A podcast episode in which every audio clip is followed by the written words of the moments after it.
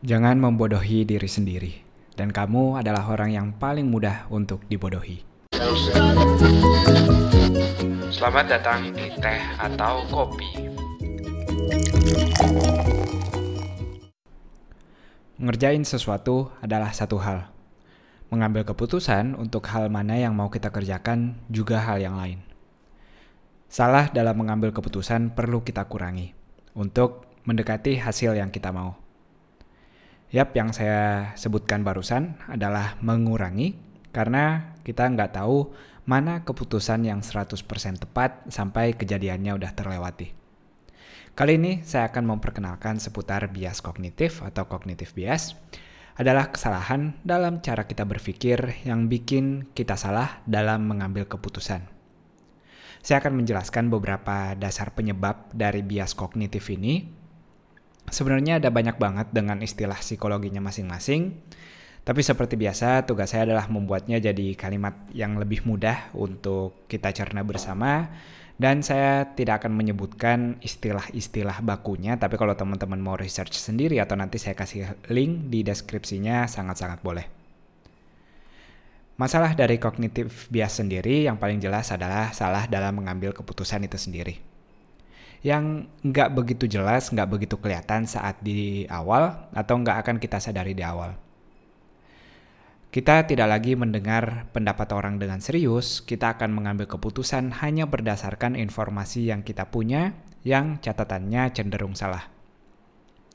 Sebagai contoh, kita lebih khawatir ketika naik pesawat rasa takutnya lebih tinggi, padahal faktanya jumlah kecelakaan di darat jauh lebih banyak. Tapi pada saat kita naik motor, naik mobil, kita nggak setakut saat kita naik pesawat.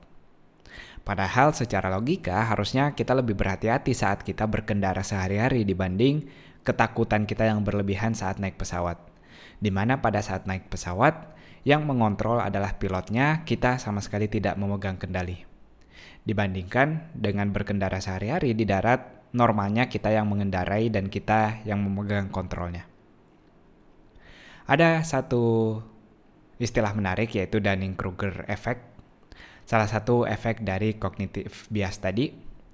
Ketika kita ngerasa lebih hebat dari orang lain di bidang tertentu, padahal sebenarnya enggak. Saya yakin ini ter sering terjadi dengan kita. Sebagai contoh untuk saya sendiri, ketika saya nonton pertandingan sepak bola atau ngelihat suatu tutorial uh, di YouTube misalnya gimana cara nge-shoot dengan kencang, gimana cara mendribble, yang paling jelas mungkin misalnya kalau timnas karena kita emosional nih kita nonton timnas Indonesia sedang bermain tiba-tiba kita protes aduh gimana sih jagoan gue daripada dia? Harusnya gue aja yang main misalnya seperti itu. Padahal tentu aja ini sama sekali nggak benar. Jumlah orang-orang latihan dibanding saya jauh lebih banyak. Bagaimana mungkin pada saat itu karena saat itu kondisi saya emosional saya berpikir saya lebih baik dibanding dia ini terjadi karena kita nggak ngelihat secara keseluruhan kejadian yang sebenarnya. Yang kita lihat adalah hasil pemikiran sendiri di kepala tanpa disaring dengan baik. Saat kita cuma punya sedikit pengetahuan tentang suatu hal, kita berusaha menantang semua orang dan merasa lebih baik.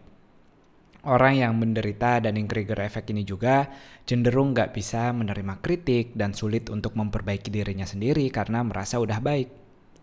Jadi kalau kita misalnya punya suatu pendapat dan tiba-tiba ada orang yang ngekritik itu atau berbeda pendapat dengan kita, tiba-tiba kita cenderung emosional, cenderung ah orang ini salah nih atau orang ini bodoh, padahal itu sama sekali belum tentu benar. Penyebabnya apa sih kognitif bias ini? Arti kata bias sendiri bisa kita terjemahkan langsung dengan kecenderungan seperti yang disindir sebelumnya ada banyak banget. Langsung aja saya kasih contoh uh, kecenderungannya atau contoh penyebab dari kognitif bias ini yang bikin kita salah dalam mengambil keputusan. Yang pertama adalah permasalahan informasi pertama. Kita cenderung percaya dengan informasi yang pertama kali kita terima.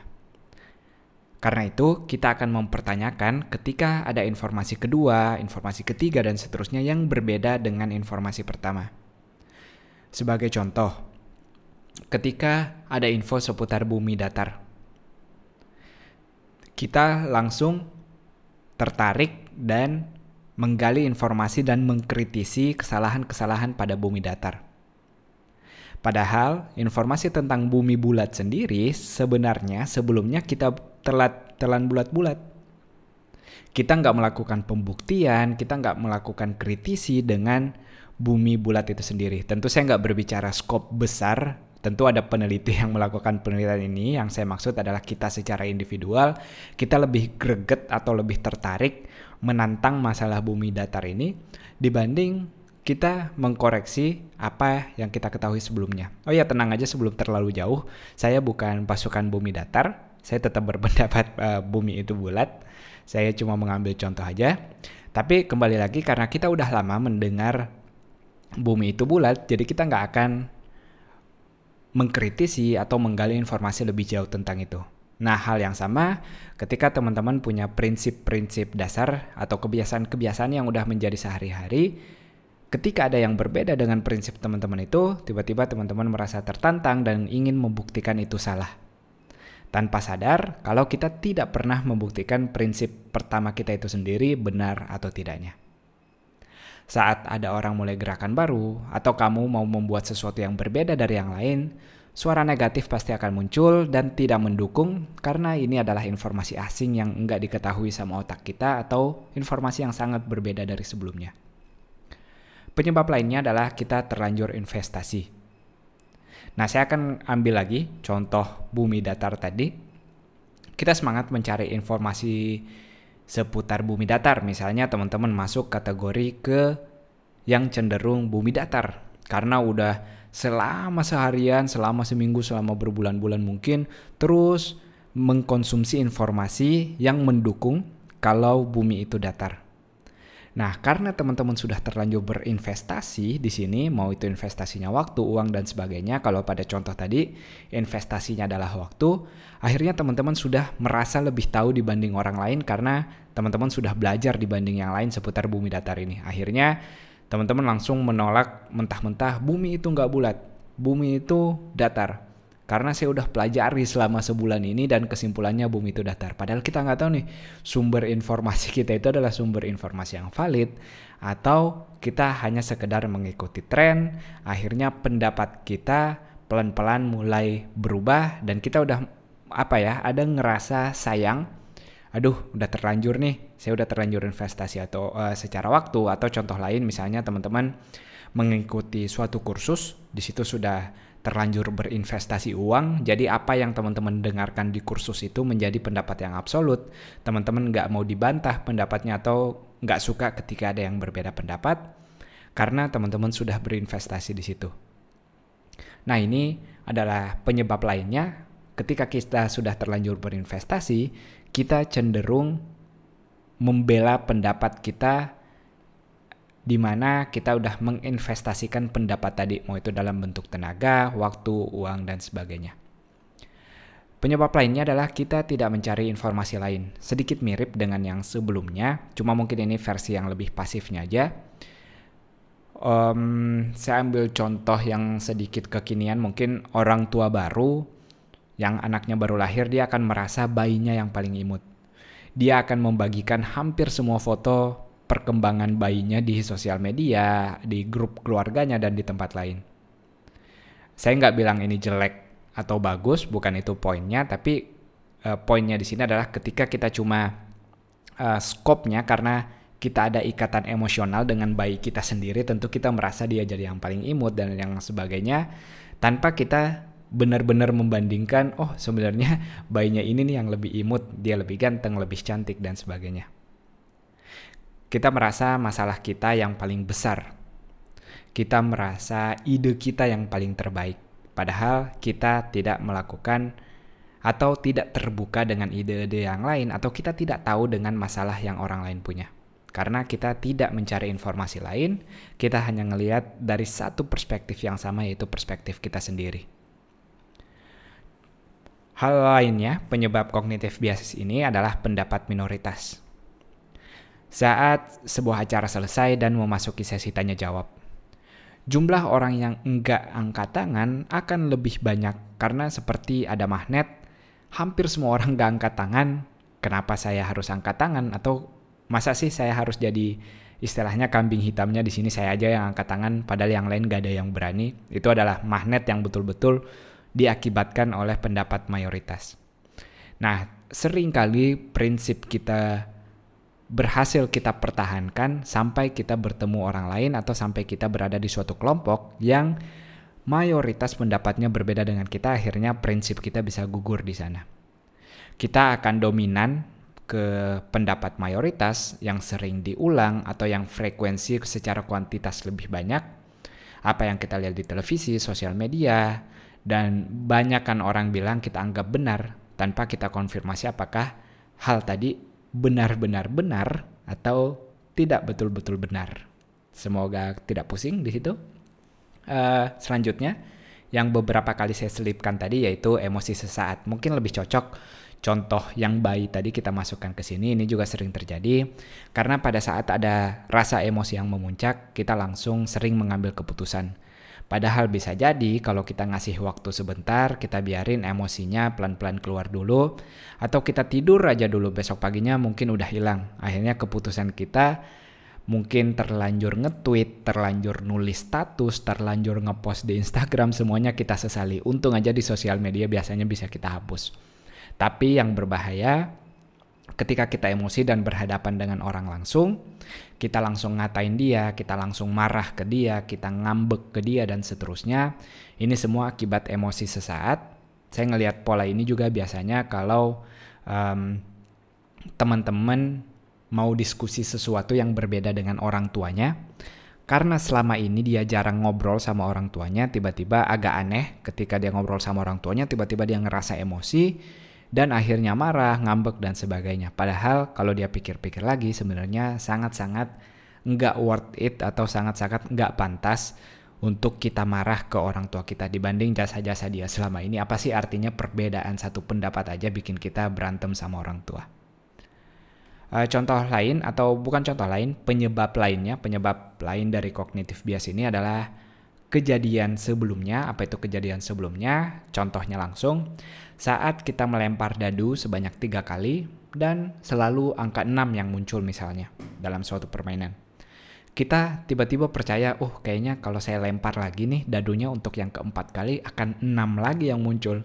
Padahal probabilitasnya sejak awal sama, tetap selalu dari dadu itu ya satu banding 6 kalau nggak dari angka 1, 2, 3, 4, 5, atau 6. Tapi karena kita sebelum-sebelumnya sudah dalam tanda kutip beruntung atau selalu muncul angka yang sama, Akhirnya untuk event berikutnya kita menganggap oh yang akan muncul angka yang sama. Nah ini sering kali ketika kita terlena di suatu kejadian, ketika ada suatu kebiasaan yang udah terjadi, kita akan menganggap oh hasilnya udah sesuai ekspektasi, akhirnya kita salah mengambil keputusan, kita nggak mempertimbangkan dengan rasional apa aja sih faktor-faktor yang bisa menyebabkan hasilnya berubah saat kita ngerjain sesuatu beberapa kali berhasil misalnya kita jadi terlena dan enggak lagi berhati-hati karena merasa yang berikutnya juga pasti berhasil. Saya akan ambil contoh yang terakhir aja karena benar-benar penyebabnya ini ada banyak banget. Uh, yang agak sedikit ekstrim di sini yaitu tergoda hasil instan. Misalnya teman-teman mikir uh, makan fast food nggak ya malam ini? Kalau kita memilih berdasarkan nafsu atau berdasarkan hasil instan, kita akan cari mana yang enak, yaitu yang cepat, kita akan pilih fast food dibanding makan makanan yang sehat. Padahal kita semua tahu kalau secara rasional tentu aja makanan sehat, sayur, buah, dan sebagainya yang harusnya kita pilih. Tapi karena kita tergoda hasil instan ini, kita mau yang enak, kita mau yang cepat, akhirnya kita ngikutin hawa nafsu yang pada saat itu memuncak mirip dengan emosi sesaat tadi, akhirnya kita mengambil keputusan yang salah. Mungkin oke-oke aja kalau kita ngelakuin ini sekali-sekali, tapi ketika ini udah menjadi kebiasaan, akhirnya yang akan panen hasil buruknya ya kita sendiri nanti. Nah itu dia untuk beberapa penyebab dari kognitif bias. Sekali lagi ada banyak banget faktornya sebenarnya. Saya akan lanjut gimana sih meminimalisir kesalahan dalam mengambil keputusan ini. Setelah kita tahu faktor-faktor yang menyebabkannya, jadiin itu tadi semua sebagai bahan pertimbangan. Selalu tanyain ke diri sendiri saat kita mau mengambil keputusan penting. Misalnya, apakah kita udah mencari informasi yang cukup? Bukan hanya informasi yang kita terima selama ini. Berikutnya, cari tahu kelemahan dari keputusan kita saat ini. Karena saat kita mengambil keputusan, kita yang akan dilihat hanya sisi positifnya.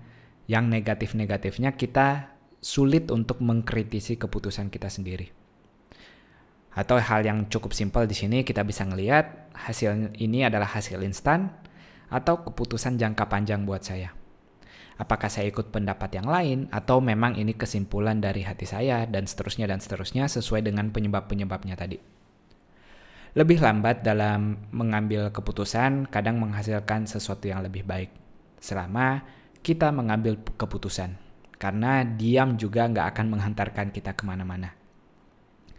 Selalu belajar mendengarkan pendapat orang lain yang berbeda yang kita benci, coba belajar dengerin itu dengan serius, jangan cuma mau kita yang didengarkan. Selalu tekan tombol reset dengan pengetahuan yang kita punya sekarang. Tanamkan kalau saya bisa salah, cari tahu mana yang benar, bukan mana yang menurut saya benar. Jangan pernah ngerasa cukup, yang kita yakin benar sekarang bisa jadi karena kita belum belajar. Selalu melebeli diri kita sendiri sebagai seorang pelajar. Edukasi kita nggak boleh berhenti di SMA, di kuliah, sama sekali nggak ber boleh berhenti edukasi kita adalah selamanya. Ingat, kita nggak tahu apa yang kita nggak tahu sampai nantinya kita tahu. Itu dia, kalau setelah mendengarkan podcast ini teman-teman kepikiran tentang seseorang, wah kayaknya podcast barusan nih dia banget nih. Nah, kemungkinan kita ini sedang terkena kognitif bias. Kita menilai orang lain salah, kita menilai orang lain selalu salah, tapi kita jarang mengkritisi diri sendiri. Nah, sekarang coba setelah ini tugas saya juga, saya akan mengkritisi diri saya sendiri lagi. Silahkan teman-teman juga mengkritisi dirinya sendiri. Itu dia, semoga bermanfaat. Terima kasih sudah mendengarkan episode ini. Share teh atau kopi di dunia maya dan dunia nyata. Kamu bisa dengarkan podcast di www.tehataukopi.club dan blog pribadi saya di hilman.space. Jangan lupa selalu benarkan niat, perbaiki sikap, dan luaskan manfaat. Sampai jumpa.